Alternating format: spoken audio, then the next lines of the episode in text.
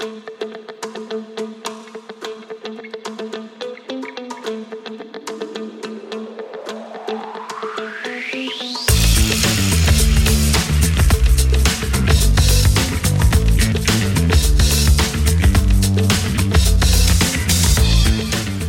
och välkommen till ett nytt avsnitt av Kompilator, podcasten för dig som jobbar med utveckling. Idag pratar vi med Erika Karlsson, agil coach på SPP. Erika har i många år hjälpt företag att skala upp det agila arbetssättet från enstaka team till hela organisationer. Hej Erika, välkommen till Kompilator. Ja, hej. Erika Karlsson heter jag. Jag jobbar som agil coach med främst inriktning på storskaliga agila arbetssätt och använder gärna ramverket SAFE som vi ska prata lite mer om idag. Jätteroligt. Agilt har ju varit på modet nu i 15-20 år snart.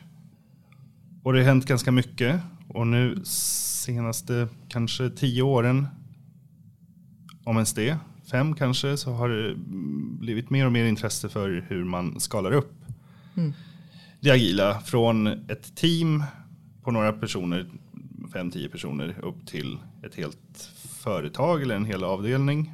Mm. Ehm, jag kom först i kontakt med det här på, eh, på min förra anställning där de körde just Safe och då var det elva team tror jag.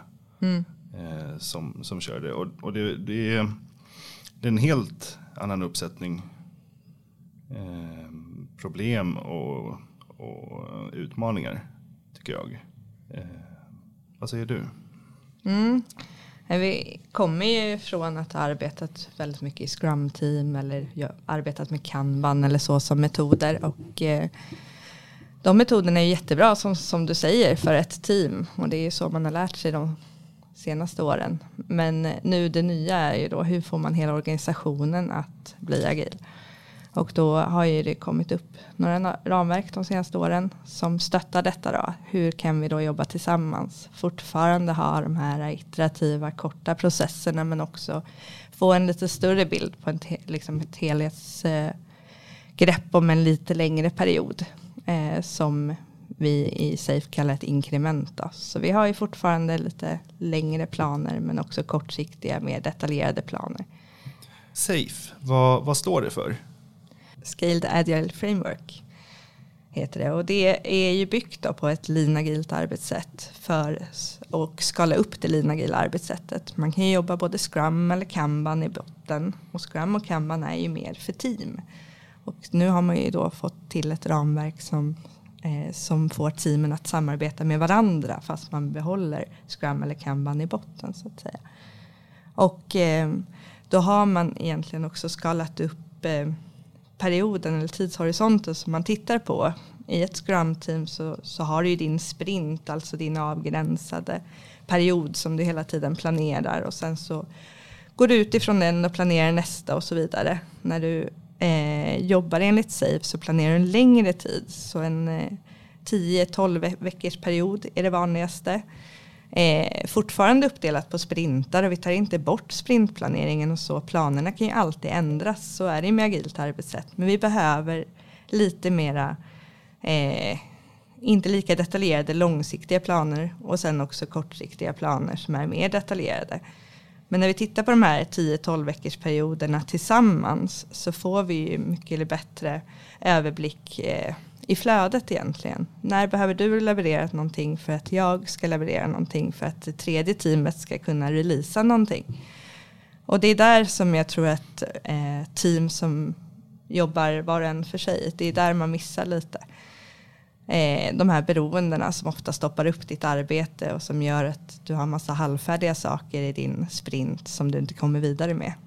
Det är det vi försöker undvika med att samplanera en lite längre tidsperspektiv. Då. Det är ju väldigt många människor som ska samordnas att jobba mot samma mål. Eh, hur, hur gör man detta rent praktiskt? Ja, vi har ju tagit, eh, där vi jobbar aktivt med det här just nu, eh, då har vi ju tagit alla de agila team, som i det här fallet är 14 stycken, eh, som har samma product backlog att eh, plocka features ifrån. Vi samlar dem i ett rum under två dagar för att göra en väldigt stor samplanering. Du är fortfarande ditt eget team, men du samverkar och hör och planerar mot samma mål som de andra teamen. Eh, och det gör du under två dagar. Det heter PI planning i SafeSpråk eller Big Room planning för att visualisera mer vad det är för någonting. Alla människor i samma rum. Jag har varit med på några av de här Big Room planning som, som, som du har hållit i. Och det är verkligen ett stort rum. Man åker iväg från kontoret till, till en annan lokal. Och det, det, det är väldigt skönt för då man kan verkligen fokusera på just planerings, eh, planeringsbiten. Man, an, annars tror jag att frestelsen skulle vara stor och bara springa iväg till datorn och jobba lite och sen så komma tillbaka och inte vara riktigt närvarande i mm. hela planeringen. Eh, så det, det, tycker jag är väldigt bra. Det, det, man är väldigt mör i slutet av de där två dagarna. Ja, visst är man det. ja, det är ju två väldigt intensiva dagar. Så många människor i samma rum som ska verkligen fokusera och komma ut med någonting vettigt. Du ska ju ha en grov plan för vad du ska leverera de kommande 10-12 veckorna. Och eh, ja, om vi pratar lite om upplägget på dagarna så börjar det ju med att eh, en förmiddag där du hör business vision där alla tillsammans hör var vi är på väg någonstans. Vad har vi för mål? Vad har företaget? Vad vill business owners att vi ska leverera de kommande tio veckorna? Vad har vi för mål? Det blir väldigt, väldigt kraftfullt. Och vi har en prioriterad lista som vi går efter som heter featurelista. Där man liksom plockar de initiativen som man tror att teamet kan leverera. Och sen så är det ju en jättestor sprintplanering fast nedbrutet där i då fem sprintar. Och eh, det tar ju sin lilla tid och kräver ju sitt eh, fokus. Du ska estimera, du ska bryta ner dina features i mindre user stories. Du ska prata med alla team du är beroende med. Du ska komma fram till när du gör någonting som jag vill ha för att vi ska få möjliga, högsta möjliga fart i arbetet. Och det, outputen ifrån det här mötet är ju egentligen fem stycken sprintar som är planerade. De är ganska detaljerat planerade, de första sprintarna och kanske lite grövre ju längre bort du kommer. Och så är ju agilt arbetssätt. Vi är inte så att vi tar bort våra sprintplaneringar för att vi planerar så här många sprintar utan de har vi ju som vanligt sen. Så vi tittar ju över våra planer med jämna mellanrum och justerar och, och så. Men vi har ett hum om och framförallt så får vi inte de här stoppen som vi har fått förut när man helt plötsligt kom på att ja nu skulle ju vi bygga det här. Då behövde jag ju det här av dig. Har inte du börjat med det?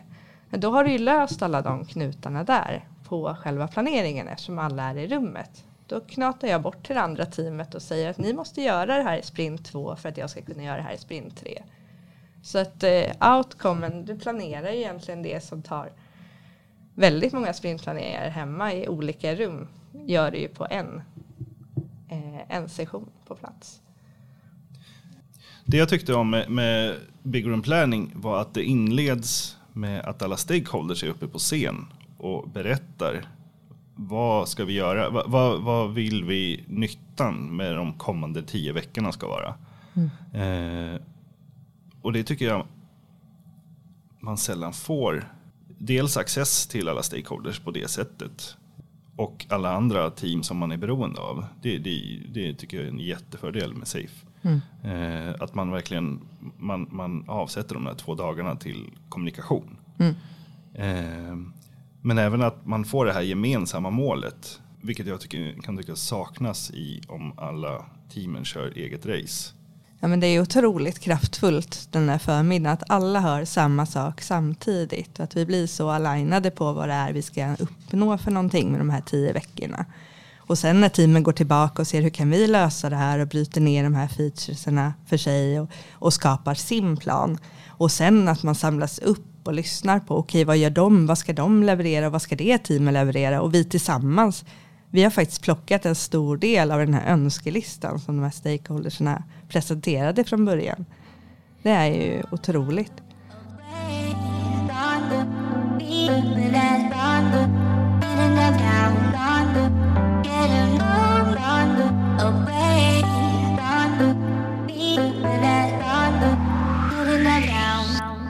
Efter Big Room Planning så kommer man ut och alla teamen har en egen backlog. Har man någon gemensam backlog? Eh, ja, alltså egentligen så har du ju den här featurelistan lever ju med och den kan ju alltid ändras. Världen är ju förändlig. Eh, men direkt efter Big Planning så är du ju inne i din första sprint på det här inkrementet och då har ju teamen avslutat Big Room Planning med att skapat upp en väldigt ja, en hel sprintplanering för den första sprinten. Så den är ju oftast ganska intakt. Eh, men den gemensamma backloggen så får ju eh, product owners eller product management titta på med jämna mellanrum då såklart. Om den förändras. Annars är det det som vi sa på Big Room Planning som gäller. Mm. Och det du kommer ut med därifrån också är någonting som heter PI Objectives. Och det är egentligen vad är det för värde du ska leverera i det här inkrementet. De kommer ifrån teamen, team för team, men man brukar ofta samla ihop dem till att det här releasetåget kommer att leverera de här PA-objektiven som är det här värdet. Alltså kunden kommer kunna ta del av det här eller vi har möjlighet att göra det här efter de här tio veckorna. Och det blir också då ett slags inkrementmål som kompletterar då teamens sprintmål också. Då. Då kommer man ut med det ur Big och så börjar sprint 1 i inkrementet och då är det egentligen skrum som vanligt. Mm, scrum eller kanban beror ja. lite på hur man arbetar. Ja. Oftast är det scrum-team. Ja. Mm. Stand-ups och retrospektiv och, och sprintplanering och backlog grooming hela, ja. hela paletten. Precis, så teamen jobbar på som vanligt. Det som binder ihop Eh, hela tåget då, hela tiden det är ju att eh, Scrum Master träffas i Scrum of Scrum. PO, Product Owners, brukar ofta träffas i olika PO-synkar. Så att man ser att man hela tiden är på banan. Det är väldigt kraftfulla som kommer ut ifrån en Big Room Planning. Det är ju de här beroendena som jag pratade om. Att jag, du behöver göra någonting före att jag kan börja med någonting i mitt team. Och det försöker vi visualisera på en jättestor programtavla där alla teamen är representerade och man sätter upp mitt beroende med ett snöre till ditt beroende och så vidare. Och den träffas Scrum Masterna framför dagligen eller i alla fall flera gånger i veckan och ser så att man inte hindrar någon annan om det är så att man behöver skjuta på någonting eller att någonting annat kommer i vägen. Det viktiga är att inte jag börjar liksom prioritera bort saker som jag har lovat att leverera till dig. För då blir det en jättelång kedja av förseningar.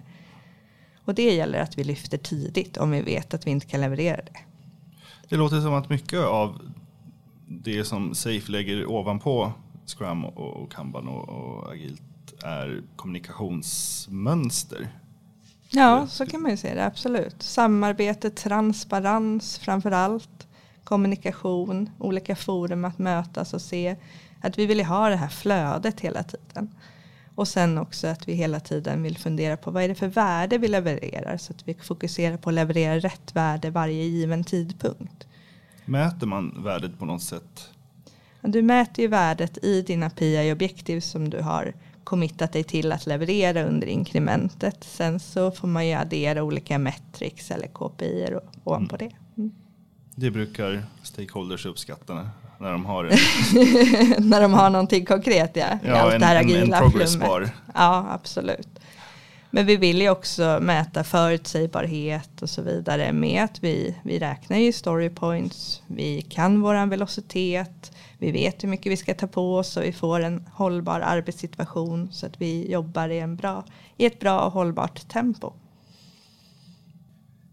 En ganska viktig del i Scrum är ju att man ska dema. Teamet ska dema det som de har åstadkommit mm. under en sprint. Finns det något motsvarande mer storskaligt i Safe? Absolut. Först så, vi tar ju inte bort teamens demo. och Vi uppmuntrar ju, eller ramverket och eh, Scrum överlag uppmuntrar ju till att man hela tiden ska visa vad det är man har gjort.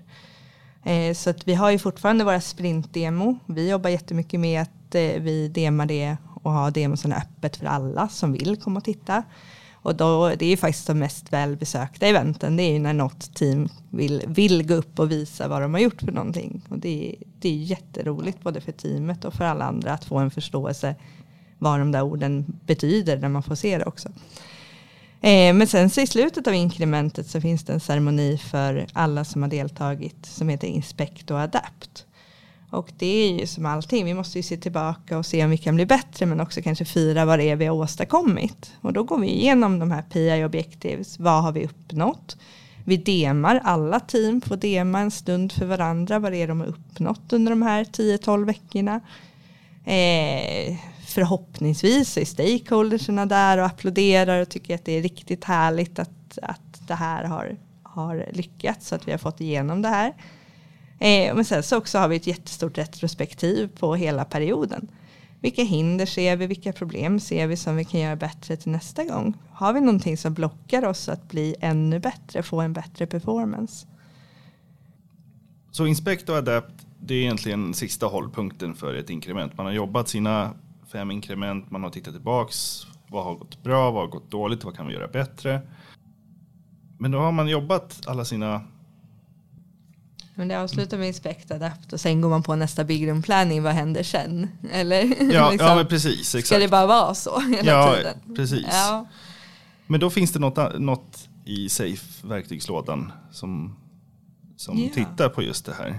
Precis. Av de här fem sprintarna så ska ju den sista sprinten vara en innovation och planering. En IP-sprint, Innovation and Planning.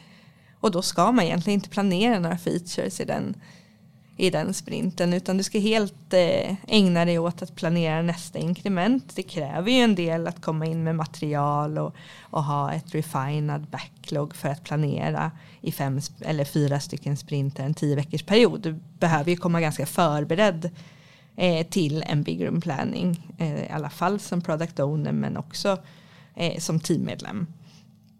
Men eh, resten av den tiden som du inte planerar inför nästa inkrement, för det gör du inte i flera veckor, så ska du innovera. Och det där ju, kan man göra på väldigt många olika sätt och det är några som går igång på det och några som inte går igång på det såklart. Men det är ju otroligt kraftfullt om man får upp attention och tar sig den tiden.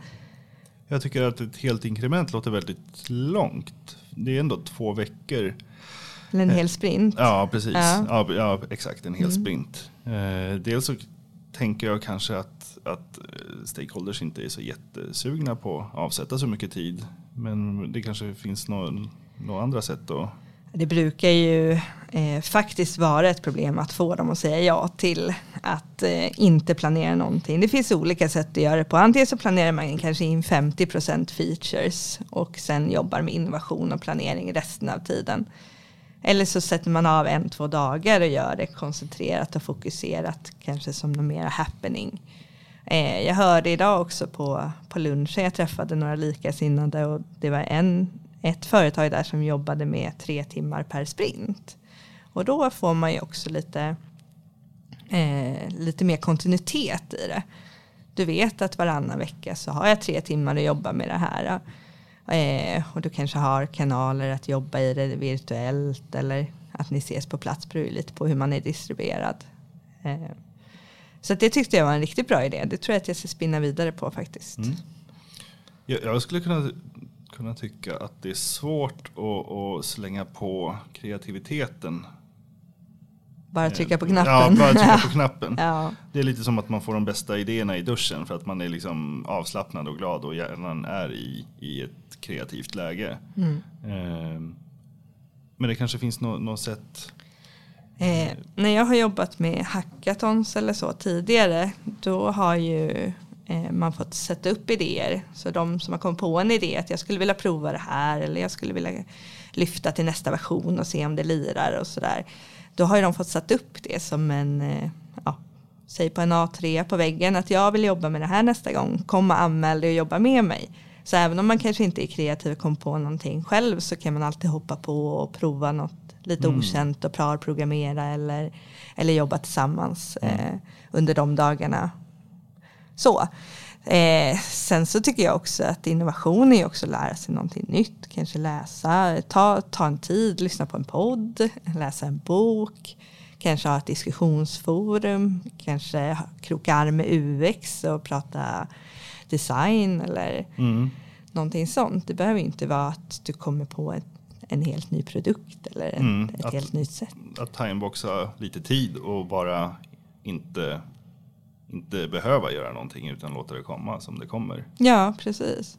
Sen tror jag att om alla funderar så när man sitter och utvecklar varje dag och så, så ser du ju hela tiden saker som du skulle vilja prova och göra på ett annat sätt. Men du får ju inte riktigt tid för det jämt utan du gör på samma sätt och i samma mönster som det redan är. Men tänk om man skulle tänka helt annorlunda och, och ta dig en eller två dagar och skriva om det där. Kanske få en bättre performance eller eh, det, det är ju sällan som det kommer in i den vanliga backloggen om du inte har ett riktigt problem med det. Mm. Så kroka arm med någon annan eller, eller ta, ta dig tid och läsa en bok eller, eller så också. Det är viktigt. Eller lyssna på en podd, det tyckte jag var väldigt bra Ja, tips. det var det bästa på tipset, eller hur?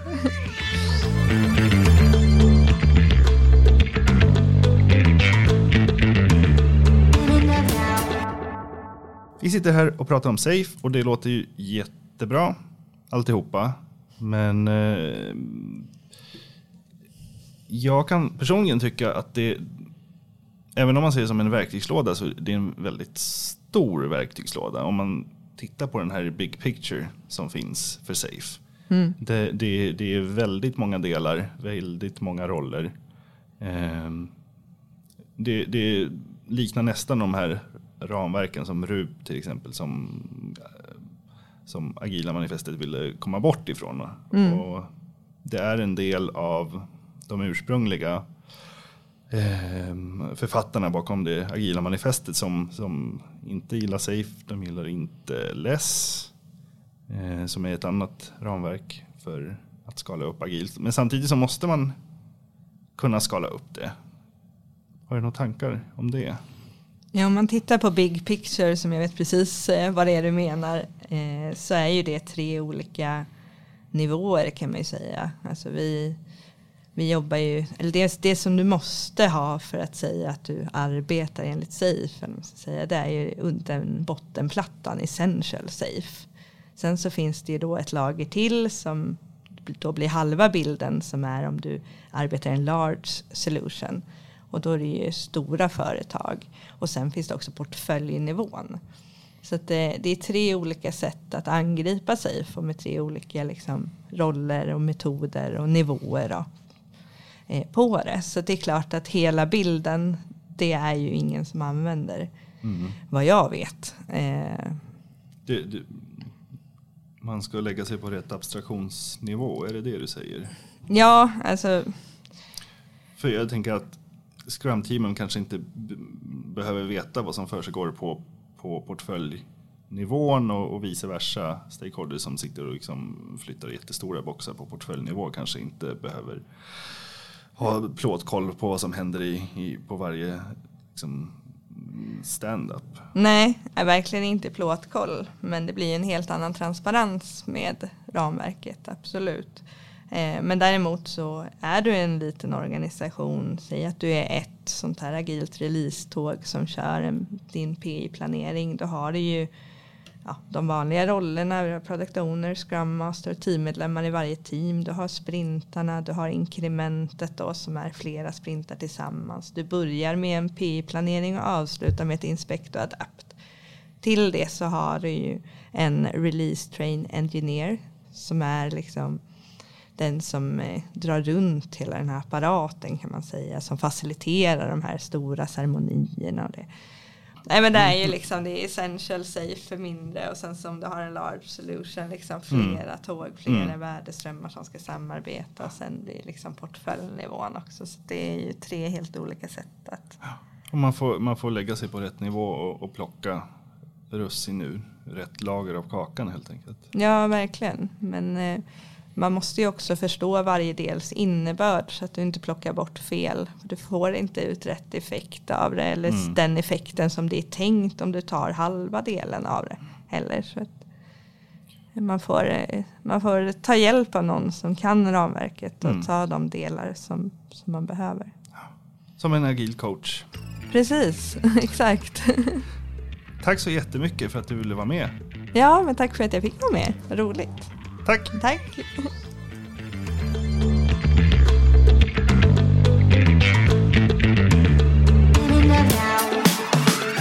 Du har lyssnat på ett avsnitt av Kompilator, podcasten för dig som jobbar med utveckling. Du kan hitta tidigare sända avsnitt på kompilator.se eller genom att söka på kompilator där du hittar dina podcasts.